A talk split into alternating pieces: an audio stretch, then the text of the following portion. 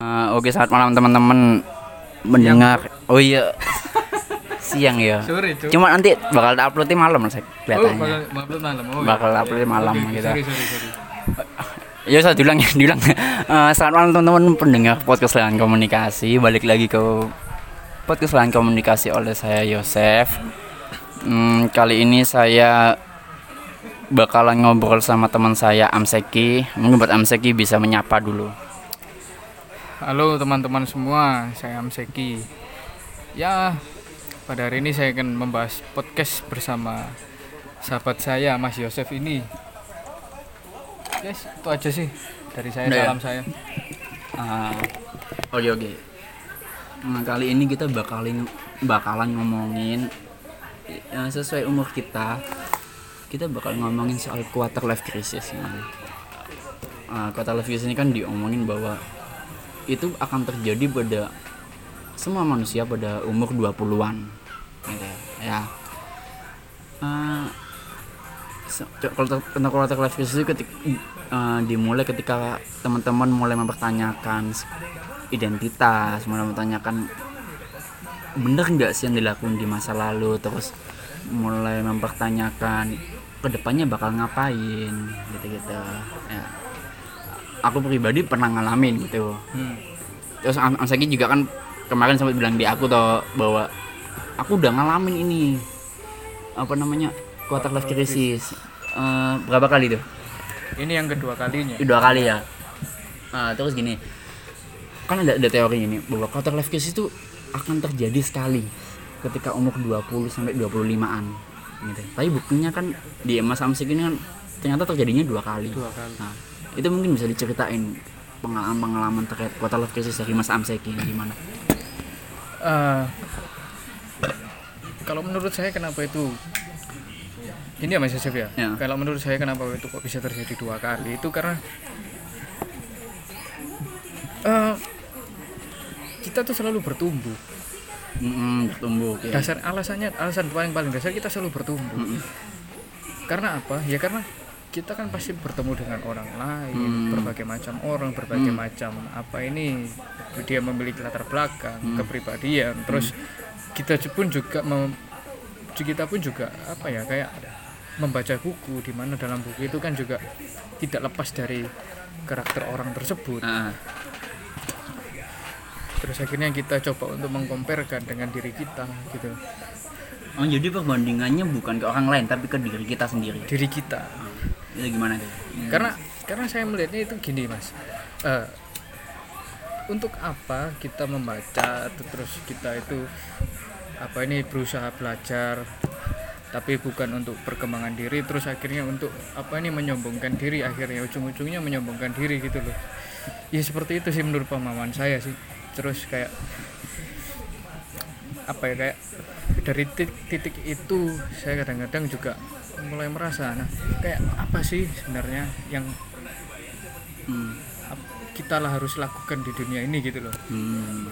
jadi kayak pencarian ya, gitu pencarian gitu seperti itu ya. Karena ya, kita semua pasti pernah terlibat di dalam sebuah suatu organisasi entah organisasi apa pun itu gitu loh. Ah, di mana eh, embel-embel organisasi itu kan selalu dikatakan wah kamu pasti bisa belajar berkembang di sini.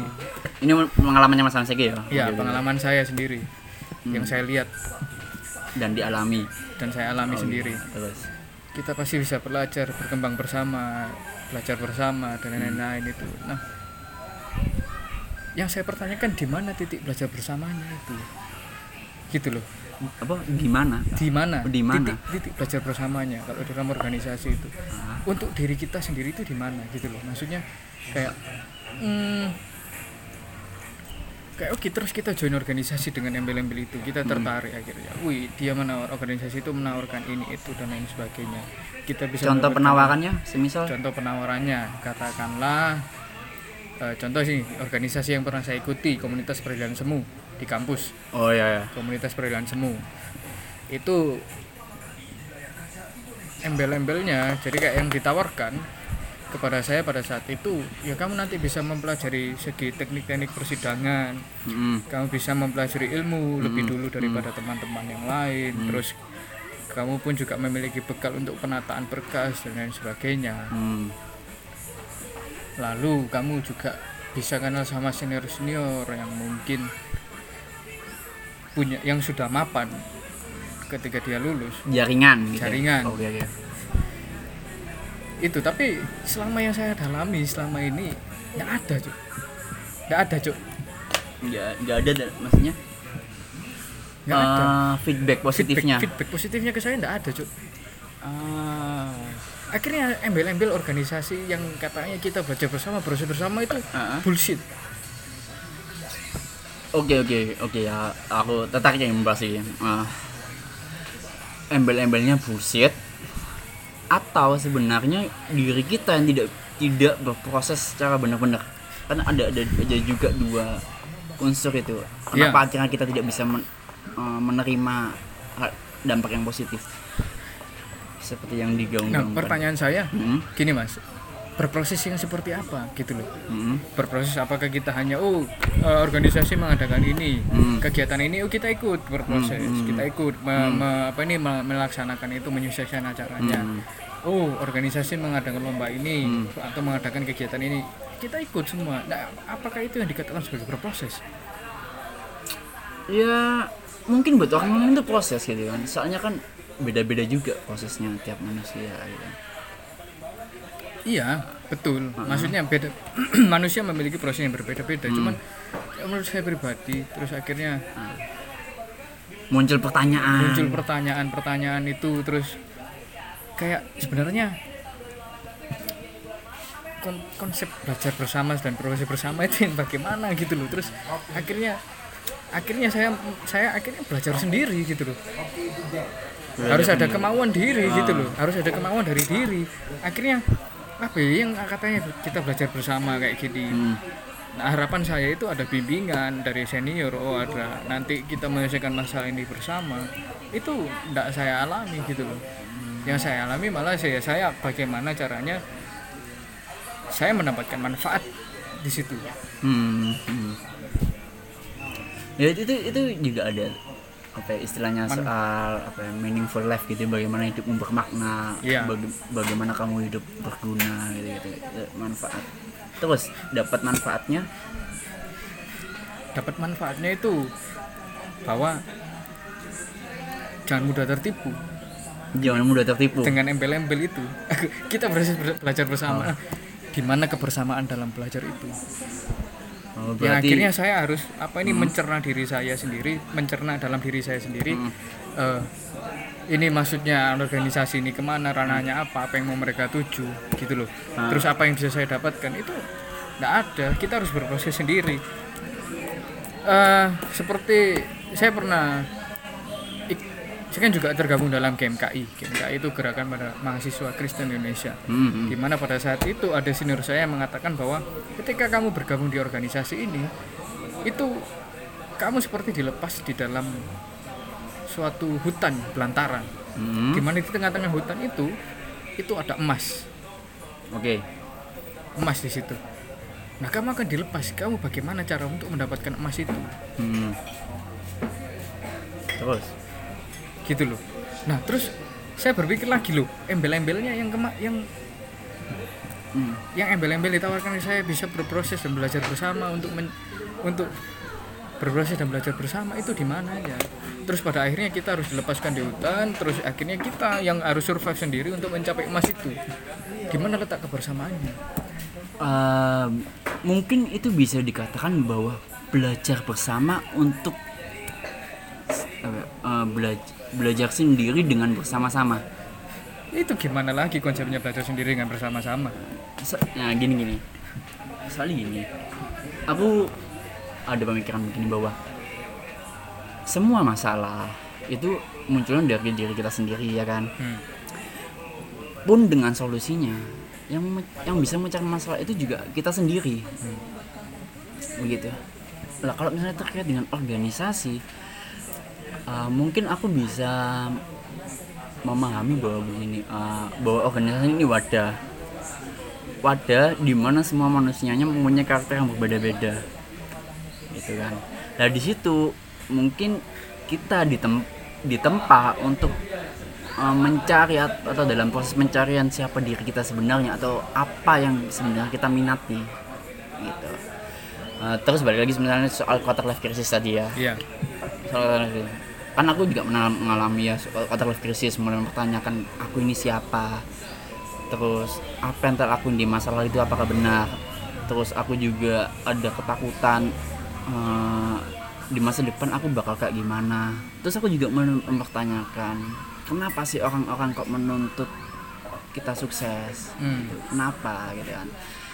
Terus kalau misalnya aku pribadi nggak pengen sukses aku pengen hidup yang gini-gini aja ya nggak apa-apa toh. Kan gitu toh. Hmm. siapa tahu itu kesuksesanmu ah gitu lah. Nah, aku mulai mempertanyakan, mempertanyakan gitu. Terus kenapa sih kok kita harus dituntut kaya? Gitu toh. Kan ka- kan kaya tiap orang juga berbeda-beda toh. Iya. Toh. Lah dari, akhirnya da- dari pengalaman life crisis aku itu aku mungkin aku eh, menyendiri menyendiri di kamar. Sampai Instagram itu juga aku ibaratnya aku sembunyikan lah dari peredaran sosmed gitu kan dinonaktifkan. Lalu eh, hubungan dengan teman WhatsApp sementara nggak dulu deh gitu. Aku lagi mengalami titik-titik fase quarter life crisis ini. Aku berarti aku ketika masalah-masalah yang aku timbulkan itu juga harus aku selesaikan sendiri iya gitu. Kalau menurut pengalaman quarter life crisisku ya. Iya Nah, terus kalau misalnya pengalaman quarter life crisis masa-masa kita tadi kan soal, soal mulai organisasi. mempertanyakan Orga- organisasi organisasi. Ya itu gitu-gitu. itu maksud saya yang saya maksud dari Mas Yosef itu bagian dari quarter life crisis saya di Hmm. situ nah terus akhirnya saya mempertanyakan nah setelah dari organisasi ini terus apa gitu. saya Ah. mempertanyakan itu Terus untuk menemukan jawaban itu? untuk menemukan jawaban itu ya akhirnya saya coba untuk berpikir lagi gitu loh menyendiri lagi gitu loh Hmm. akhirnya apa, apa ya kayak apa sih gunanya fungsinya gitu loh tujuan diri kita. tujuan. akhirnya apa ya kayak terjebak dalam kebingungan diri gitu loh. Hmm. akhirnya apa ya kayak cuk gini-gini aja cuk akhirnya cuk gitu loh.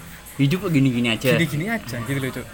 Jadi kayak aku pun kayak mau kerja sekarang ya kan? Hah. sekarang magang nih mau magang nih kerja magang. Nah, itu pun juga apa sih cuk? Kayak aku kebingungan gitu loh kayak sebenarnya apa sih yang mau tak lakukan itu? Terus terus sekarang kayak udah menemukan terus tuntutan atau tuntutan orang tua ya. Terus akhirnya tuntutan orang tua.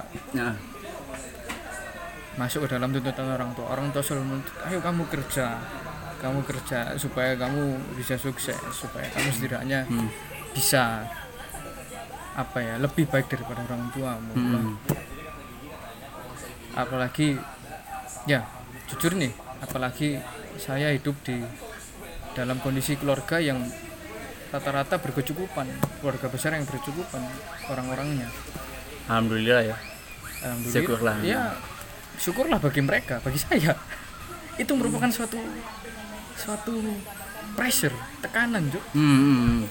itu merupakan suatu tekanan. Nah saya tidak ingin Cuk, seperti mereka gitu loh Jangan, Cuk, aku loh pengen seperti ini, Cuk. Aku ya pengen kayak gini-gini. Setidaknya bisa bermanfaat bagi orang lain. Aku bisa membantu orang lain gitu loh. Tanpa harus sukses gitu loh. Sukses yang dimaksud itu seperti apa ya? Karena lingkup keluarga ini yang rata-rata mereka itu orang yang sukses, wah punya usaha, dipandang mereka ada jabatan, ada jabatan. hmm. Akhirnya saya mencoba dituntut mencoba dituntut untuk supaya bisa sama dengan mereka gitu loh. Padahal saya nggak mau. Aku nggak mau cuk. Terus apa gunanya terus aku jadi seperti mereka? Terus aku tidak menemukan suatu kebahagiaanku? Ya ya. Gitu loh. Terus aku akhirnya berdampak pada aku bertanya nah sebenarnya aku aku hidup ini ngapain cuk? Gitu loh. Aku hidup ini ngapain? Tujuanku ini apa sih? Kalau harus di, dituntut dipersamakan di dengan orang-orang gitu loh. Eh, ya aku sepakat sepakat. aku pernah mengalami itu semua ya kan? Sampai aku pernah berakhir pada suatu kesimpulan bahwa eh, buat apa sih hidup tujuan hidup apa ya? Mati kan iya ya hidup ini ter- tersiksa ya kan? Hidup ini suatu penyiksaan jalan keluarnya adalah mati. Aku sampai pada akhir kesimpulan seperti itu ya aku pengen mati gitu Ah, oke. Lalu setelah mati apa gitu? Sudah. Berarti aku telah dibebaskan dari ke- ketersiksaan. Tuntutan bahwa kamu manusia tuh harus hidup baik gitu kan. Kan, kan kalau kita pengen jahat ya ya nggak apa-apa kan? Gitu lah. Kenapa sih semua orang harus menurut kita untuk baik? Ya. Ujung-ujungnya baik kita karena dituntut bukan karena kita ingin baik. Kan gitu lah. Iya terus gini Ang, aku juga nggak sepakat bahwa tetap berbuat baiklah pada kepada sesamamu yang berbuat jahat kepadamu. Ya nggak bisa bos. Gitu loh nggak bisa bos. Kalau dia jahat yo ngapain terus aku baikin? Goblok jatuhnya kan? Kan gitu. Lah aku nganggapnya untuk semua. Kenapa manusia semua harus baik gitu? Terus tujuan hidup kita di, di dunia itu apa? Apakah oke kita kaya sudah gitu terus ketika kita kaya itu apa gitu apa iya lalu Iya kan? apa gitu loh lalu apa terus kamu punya uang itu lalu apa Heeh. apakah dengan membantu sama sesama itu harus dengan uang gitu loh Hmm. pertanyaannya kan seperti itu Hmm. ya sama halnya dengan kon beramal lo biar kamu dapat pahala gitu ya Hmm. kan sama aja tuh berarti kita ingin berbuat baik karena biar kita dapat pahala bukan karena kita ingin baik bukan karena kita ingin toh Heeh. sama halnya kalau kalau misalnya kita ngomong soal tuntutan orang tua semisal begini ya kita sebagai anak kita nggak pengen jadi seperti itu gitu ya. tapi kan orang tua kita pengen kita jadi seperti itu akhirnya jadi suatu pergejolakan pikiran juga tuh. gejolakan pikiran yang pertama terus yang kedua kayak akhirnya kita merasa kayak waduh apa yang kita inginkan ini tidak sesuai gitu loh Hmm. tidak sesuai dengan diri kita akhirnya kita harus menyesuaikan dengan keinginan orang tua dengan keinginan sosial yang ada gitu loh. Apalagi hidup di keluarga yang seperti itu. Di mana kita dituntut harus menang daripada yang lain kan gitu ya? Iya. Lah, dari dari akhirnya dari perjalanan saya quarter life crisis untuk menemukan jawaban aku begini eh, ketika kita bisa untuk menang sebagai manusia ya kan tapi akhirnya kita tapi justru lebih baik ketika kita nggak ingin merasa menang itu justru menjadi sebuah kemenangan untuk diri kita sendiri. Hmm. Iya iya iya. Ya kemenangan sudah diri kamu ya. menang di titik situ. Oh ya sudah gitu lah Iya. aku di sini bos. Ngapain aku harus menang dari kamu untuk di situ? Kalau yang aku lihat itu ketika kita aku pengen ah, begini aja kan ya udah gak apa-apa. Iya. Akhirnya kemenangan kemenangan diri kan akhirnya. Mm-mm. ya ya akhirnya jatuhnya kepada ketenangan gitu loh. Hmm. akhirnya kita tidak ingin mencapai wah kemenangan kemenangannya lain gitu loh. Akhirnya menjadi seseorang yang tamak. Hmm. Terus terus apa ya kayak saya sempat baca-baca sih kayak pelajaran-pelajaran dulu lah kayak apa ini manusia merupakan makhluk yang sempurna kayak gitu terus Hmm. aku coba berpikir gitu loh maksud manusia yang sempurna itu yang bagaimana gitu loh maksudnya ketika kita terjebak dalam kesempurnaan itu akhirnya kita menindas yang lain-lain gitu loh. Dan anjir kita nggak menyadari bahwa sebenarnya kita tuh pecundang. Iya. Ya enggak sih? Iya. Aku mengakui. Aku mengakui. Ya aku itu pencundang kita semua pencundang menurut pribadiku loh. Ya akhirnya kita menganggap bahwa diri kita sempurna untuk menganggap wah bahwa yang bahwa yang lain lain ini mereka memiliki keahliannya masing-masing gitu Nah. entah itu hewan atau tumbuhan gitu loh. Hmm. akhirnya menganggap bahwa manusia yang sempurna karena memiliki akal budi. Wow jancuk kamu nggak ada tanaman cuk. Kamu nggak ada oksigen. Mati? Mati cuk. Kamu nggak ada binatang kamu nggak bisa makan daging cuk. Ya ber- berarti kesimpulannya bahwa semua makhluk itu sempurna. Gitu. semua makhluk baik adanya bukan sempurna. Atau baik adanya. Baik adanya. Punya fungsinya punya masing-masing fungsinya masing-masing. Sama seperti ya kita hidup dalam lingkup sosial gitu loh. Hmm. nggak usah lah kita terlalu dituntut ini itu ini itu ini itu. Bahwa kamu harus kaya kamu harus menjadi orang ini orang ini. Nah kalau kaya semua Iya. apa yang terjadi cuk? Heeh. kalau semua orang kaya cuk apa yang terjadi cuk ya orang kaya kan disebut Wah, kaya soalnya bisa- ada miskin juga. Bisa-bisa itu jadi Apa? negara ru- negara itu hanya selingkup rumah ini loh cuk. Bisa-bisa jadi seperti itu cuk. Karena semuanya kaya cuk.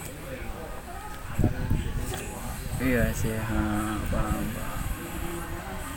karena karena kalau semua kaya akhirnya mungkin eh, ekonomi juga nggak nggak berjalan sesuai semestinya kan gitu ya. Iya.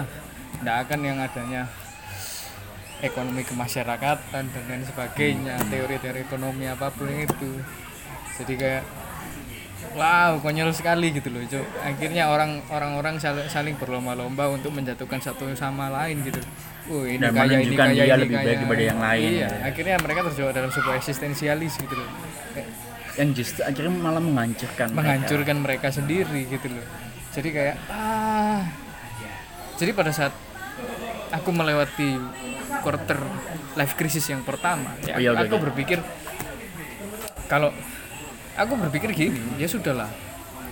Kayak is biarkanlah mereka mereka yang ingin kaya mereka mereka yang ingin wih dipandang mereka mereka yang mengejar suatu suatu apa ini pengakuan jabatan.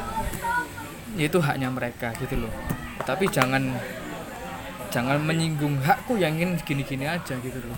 Aku hanya ingin bagaimana semuanya itu kayak apa ya kayak ya mereka itu haknya terpenuhi lah gitu loh istilahnya. Karena kayak hak mereka untuk memilih hidup apa yang ingin memilih, dijalani. ya, ya itu. Ya kadang kadang aku muak nih maksudnya kenapa sih kita dituntut harus pintar? Kalau aku pengen goblok dan nggak tahu apa apa kan ya sudah gitu. Ya ya mungkin resikonya aku akhirnya ditipu sana sini dimanfaatkan Ya, orang dan lain sebagainya. Cuma akhirnya itu ya udah pilihan gitu termasuk dengan orang yang memilih untuk menjadi gila. Ya udah biar biarin dia pengen jadi gila. Ya. Kenapa sih uh, orang gila akhirnya dipandang sinis dipandang bukan manusia? Bukan manusia seolah-olah mereka Ah, bukan ah, manusia ah. mereka Ya, tidak aja- hanya karena hanya karena cara mereka berpikir cara mereka berpakaian tidak sesuai dengan apa Dengan budaya sosial dengan yang ada. budaya sosial yang ada gitu loh. Kenapa harus di dibuat seperti itu? Kenapa harus dibedakan kayak gitu gitu loh? Kan mereka kan juga manusia kasihan gitu loh. Ya mungkin aja akhirnya karena mereka Akhirnya- sebelumnya mereka dengan hidup dengan pikiran waras malah menyiksa mereka. Mereka akhirnya memilih untuk yaudah aku jadi gila ya kalau memang ini akhirnya membuat aku bahagia kan ya sudah. Oh, kalau yang aku lihat itu bukan pilihan sih. Akhirnya karena mereka berusaha untuk tetap waras. Oh. Tetap waras mengejar mengejar apa ini tuntutan-tuntutan yang ada. Akhirnya efeknya gila. Karena tidak tercapainya tuntutan-tuntutan itu. Karena mereka terlalu terbebani dengan tuntutan-tuntutan itu. Ya bisa jadi sih cuma karena apa? menurutku menurut saya itu gila itu bukan suatu pilihan. Gila bukan satu bukan pilihan. suatu pilihan kalau aku aku tetap eh, gila itu adalah suatu pilihan gitu. semisal begini ketika sosial menganggap bahwa eh, apa ya ketika sosial menganggap bahwa manusia itu harus baik tadi harus berguna untuk masyarakat yang lain tapi aku memilih untuk nggak berguna buat masyarakat yang lain kan ya sudah. Ya itu mungkin dicap gila oleh mereka ya. Hmm. karena berbeda pemikiran dengan mayoritas. Ya sudah tapi nggak apa-apa ya. Jadi kesimpulanku ken- kenapa ngomong bahwa gila itu adalah pilihan dari situ? Hmm. Kenapa ya bisa bisa juga sih bisa jadi sih. Bisa jadi seperti itu. Terus atau semisal Hmm? cowok harus bertanggung jawab sama cewek. Nah, gitu. kalau misalnya aku pengen ditanggung jawab ditanggung jawab sama cewek dan cewek itu menerima gitu ya gitu. tanpa ada perbedaan gender ya kita sama-sama manusia gitu ya ya ya ya ya nggak apa-apa kan ya nggak ada salahnya cuk nah, nggak ada salahnya nggak ada salahnya cuk Iya, kenapa kok harus selalu dituntut ya? Kita harus bertanggung jawab gitu. tuntut diri masing-masing dulu aja deh kan, Iya, gitu iya. ya. Betul, betul, betul. Ya, Ya, kalau aku ini bertanggung jawab ya aku bertanggung jawab gitu. Karena aku ingin gitu. Nah. Bukan karena suatu tuntutan gitu. Nah, termasuk ketika kita ingin kaya ya, ya kita karena kita ingin kaya bukan karena kita dituntut harus kaya kan gitu kan? Iya. Terus akhirnya kayak Cuk itu apa sih Cuk terlalu menuntut terus hidup dalam tuntutan itu wah kayak wah jancuk duniamu nggak tenang Cuk sepakat sepakat, sepakat. duniamu nggak tenang Cuk kamu pasti bakal bakal apa ya merasa kurang kurang kurang kurang karena kamu selalu hidup dalam tuntutan Cuk. Oke kamu mencapai tuntutan ini. Terus tuntutan yang lain? Hmm. siapa sih manusia yang nggak pingin punya apa ini? Apa ini daftar list kehidupannya mereka? Daftar impian nah, daftar impian. Tuh, kayak mereka ingin keluar negeri kayak mereka ingin wih menjadi orang nomor kaya ter, apa nomor satu orang kaya di dunia. Terus mereka bisa beli pulau beli ini terus beli ini beli itu lalu apa Cuk? ketika itu semua sudah tercapai kurang cuk bakal kurang Ya mungkin akhirnya dari situ kita bisa menyimpulkan bahwa kota life crisis hanya terjadi sekali ketika umur 20-an, ternyata enggak. Gitu. Ternyata ketika orang kaya, orang ketika sudah menjadi kaya, mereka akhirnya juga mengalami kota life crisis juga. Mulai mempertanyakan ketika aku kaya udah, terus apa ini? iya Kan kita lah cuma untungnya aku untungnya ya untungnya bisa tak anggap untung ini. Aku baru mengalami quarter life crisis itu satu kali. Satu kali. Dan akhirnya aku menemukan jawaban eh, ya tanpa aku pengen hidup yang gini-gini aja. Gitu. lakuin apa yang bisa dilakuin tanpa aku harus membuktikan ekspektasi orang lain termasuk ekspektasi orang tua aku. Iya. Oh. akhirnya ya yaudah aku ngelakuin apa yang bisa tak lakuin. Aku nggak pengen merasa penting bagi orang lain. Aku merasa penting untuk diriku sendiri. Ketika aku begini aku harus manfaatnya apa buat aku gitu.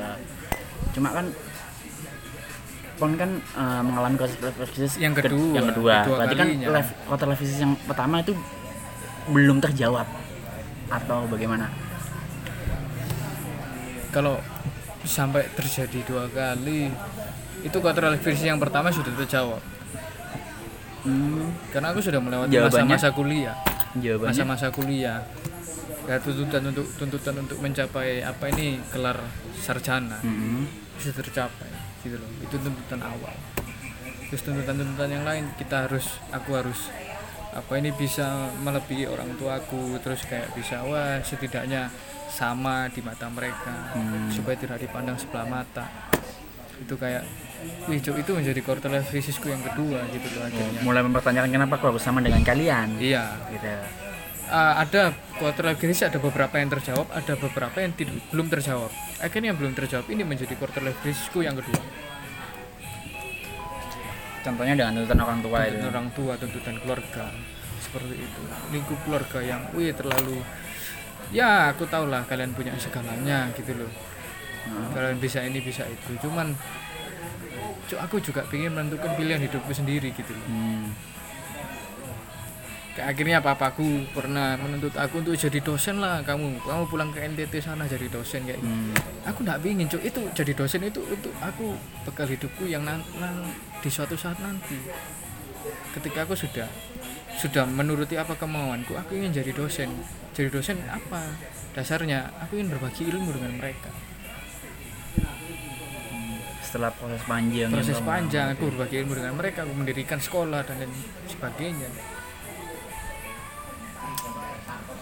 Terus untuk akhirnya kan life crisis yang kedua ini akhirnya apa yang mau lakuin itu? Metode apa untuk menjawab pertanyaan-pertanyaan yang timbul? Contoh yang mungkin orang tua tadi. Aku masih belum jujur aku masih belum menemukan jawabannya. Metode caranya? Caranya masih belum tahu. Masih belum tahu selama ini yang tak lakukan hanya is berjalan lah. Berjalan lah be ambisius be micro ambisius gitu loh. Jadi berambisi pada hal-hal kecil gitu loh. Apa yang ada di depan ini ya tetap ambisius gitu loh. Karena nggak akan kita nggak akan tahu gitu loh. Kita kerjakan ini itu akan membawa kita ke mana itu kita nggak ada yang tahu. Sudahlah kerjakanlah. Katakanlah aku bikin joki skripsi ya sudah. Hmm. Aku nggak akan tahu cuk. Joki skripsi ini membawa aku sampai ke mana aku nggak tahu. Joki skripsi ini. Joki skripsi. Terus ya lontang lantung belajar di rumah baca baca buku aku nggak tahu cuk. Pokoknya aku ini yang pengen tak lakuin gitu ini yang iya, pengen ini yang pengen tak lakuin. saat ini. Kayak akhirnya ya bersih bersih rumah dan lain sebagainya. Ya itu yang pengen tak lakuin Cuk. karena aku nggak tahu Cuk, harus ngapain gitu loh ya aku aku aku Karena aku titik itu kebingungan. sepakat sih titik titiknya ketika akhirnya sekarang kita menen, atau memastikan tujuan kita atau memastikan cita-cita kita atau memastikan identitas kita itu sama aja kita dengan sudah mati. Bukan sudah mati cuk. Bunuh diri cuk. Ah, ah, ah, ya Bunuh bener, diri, Cuk. gitu. Soalnya kita ini belum mencoba semua hal. Iya. Gitu. tapi kita sudah memastikan itu. Semisal identitas itu kita sudah memastikan bahwa diri kita tuh orangnya baik. Belum tentu bos. Belum tentu. bisa aja ke depannya kamu berubah menjadi orang jahat Iya. Bisa kita bisa jadi kita baik ke orang A, Hmm. belum tentu orang B menganggap kita baik gitu loh. Hmm.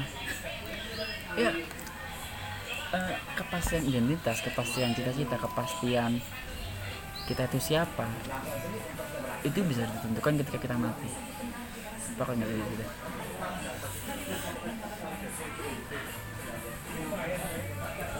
Ditentukan pada saat kita mati.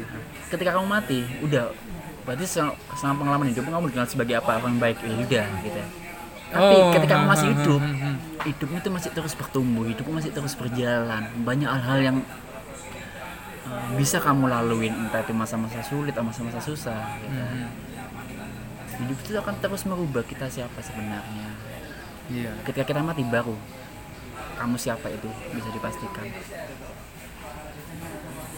Dan apa yang sebenarnya kita lakukan seharusnya kita lakukan di dunia ini gitu. Ah, Itu juga terjawab. ternyata akhirnya semisal kamu mati ya kan kamu akhirnya udah bikin perusahaan. Oh, baru ketika kamu mati kamu dianggap orang sukses. Iya. misal perusahaan banyak orang kaya gitu kan kamu bisa dianggap orang kaya. Tapi ketika kamu masih hidup kamu bisa bisa aja bangkrut. Iya. iya kan? Bisa aja bangkrut. Dan akhirnya kamu mati pada saat kamu bangkrut dan kita semua akhirnya terpastikan bahwa kamu itu sebenarnya miskin orang yang gagal Iya, iya. orang yang nggak bisa bertahan dengan kesuksesan Iya aku sepakat titik situ adalah bahwa Iya aku juga menganut itu juga sih bahwa aku menentukan target itu secara zigzag bukan secara lurus langsung ini gitu bukan Yang apa yang ada di depan mata gitu loh. Hmm. Akhirnya kalau kita terlalu menuntut hidup kita, apa, ya, apa yang ingin kita capai, wih terlalu jauh, impian lah katakanlah. Mungkin kita sinis, sadar tidak sadar kita sinis. Hmm. kalau menurutku kita sinis terhadap hal lain gitu loh. Katakanlah aku ingin jadi advokat.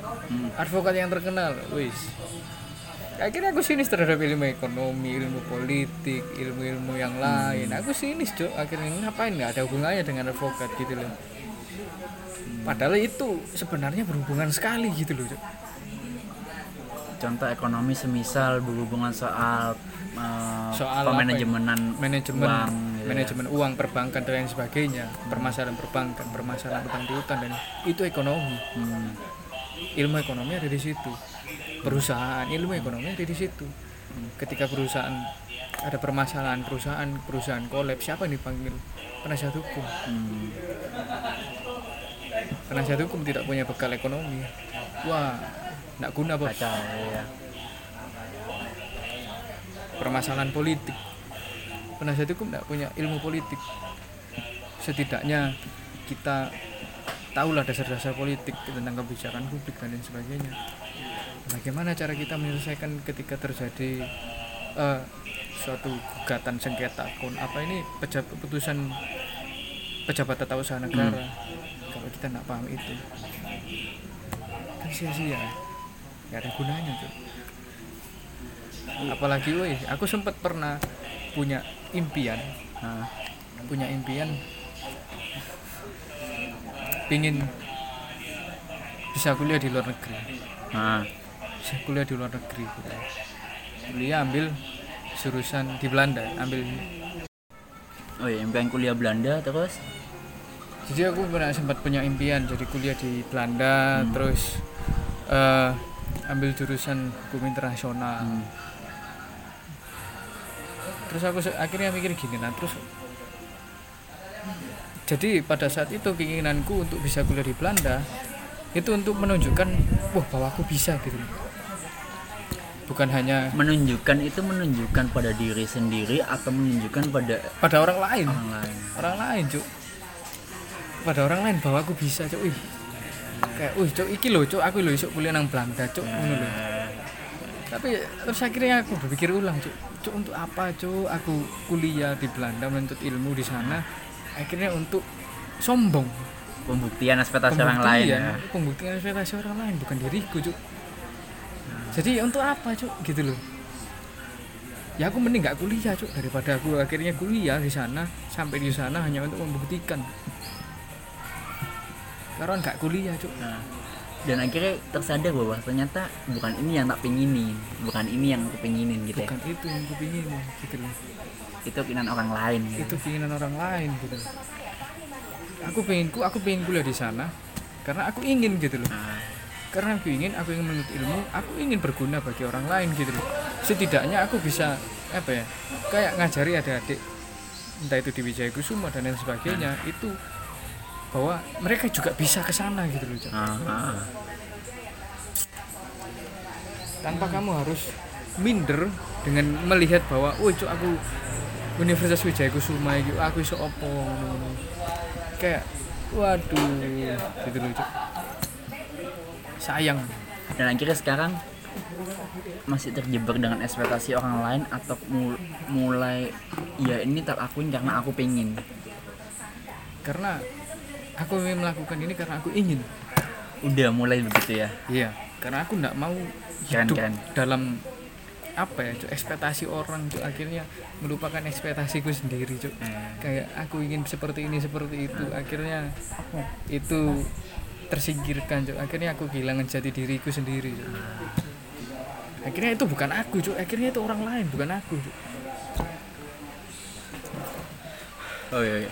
Eh, berarti kesimpulan dari diskusi kita bahwa quarter life crisis ini berguna untuk menemukan siapa kita yang sebenarnya, begitu kan? Berguna untuk bahwa kita hidup memang harus membuktikan pada diri kita sendiri, bukan harus membuktikan pada ekspektasi orang lain, Iya. gitu ya?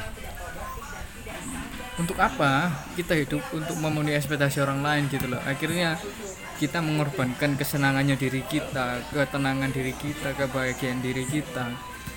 Itu kita korbankan Cuk. sepakat sepakat gini aku pernah ada dengar ceramahnya Cak Nen atau ceramahnya anak anak Cak Nen bisa apa anak Cak Nen itu iya vokalis Lito siapa lupa namanya. Dia bilang begini ya kan. Ada orang kaya ngomong sama nelayan nelayan itu nel- nelayan itu lagi anak kokoan ngopi sore ya kan. Orang kaya itu ngomong kamu kok nggak kerja? Gitu kan udah kok kerja. Ya harus kamu kamu harus kerja terus dong gitu. Kenapa harus kerja terus? Ya biar kamu banyak uang terus setelah kamu banyak uang kamu akhirnya bisa menikmati hidup. Lah yang lain adalah begini. Aku begini aja udah udah nikmat kok. Udah menikmati hidup kok. Gitu Keren. Lah lah lah lah dari dari eh, percakapan itu ya tak bisa tak pahami adalah atau bisa tak ambil kesimpulan bahwa ya kita menikmati hidup sesuai apa yang pengen kita nikmati bukan apa yang orang pengen kita harus menikmati itu iya gitu ya. Ak- akhirnya itu bukan keinginan kita itu keinginan masyarakat pada umumnya gitu loh apa ya keinginan kayak ya. Keinginan yang cetek sih menurutku Cuk. sepakat sepakat sepakat. Kedalaman manusia ternyata cetek. Kedalaman manusia yang sangat cetek Cuk. kayak katanya Adriano Colby itu. Terus akhirnya kan tadi aku aku aku ada kesimpulan bahwa ya ternyata quarter life crisis itu bisa membantu kita untuk menemukan jati diri kita sebenarnya. Membantu kita untuk bahwa kita hidup harus eh, dengan kebahagiaan kita, kita sendiri bukan apa yang pengen orang ingini itu kan kesimpulan aku Iya. untuk terkait life crisis kalau kalau menurutku kesimpulanku gini aja lah. Gak usah lah terlalu muluk-muluk. Apa ini? Menginginkan sesuatu gitu loh. Kayak menginginkan suatu impian gitu loh. Kamu mencapai apa ini? Menargetkan suatu cita-cita atau impian yang terlalu tinggi lah. Hmm. ya bercita-cita boleh. Bukan berarti tidak boleh bercita-cita tidak boleh bermimpi. Hmm. boleh. Cuman lakukanlah dulu apa yang ada di depanmu gitu loh. Dan Hmm. sungguh-sungguh udahlah. Kita nggak akan tahu cuk. Hmm. hidup kita akan dibawa ke mana gitu loh. Terlepas dari ekspektasi kita Terlepas ngelakuin ini kita harus ka- akan kaya gitu ya. Kita harus kaya atau apa pun apa ya, jadilah bermanfaat gitu loh. Jadi quarter life crisis membantu kon untuk menemukan jawaban itu. Iya. Seperti itu Cuk. Gak usah lah yang terlalu muluk-muluk. Eh, Oke teman-teman, eh, itu bukan kita terkait quarter life crisis yang akan dialami setiap manusia, gitu kan. Bukan hanya sekali, tapi akan terus entah entah teman-teman akan berada di titik apa, teman-teman pasti akan menemukan quarter life crisisnya masing-masing, gitu. Eh, sekian obrolan podcast dari lain komunikasi terkait quarter life crisis. Selamat malam.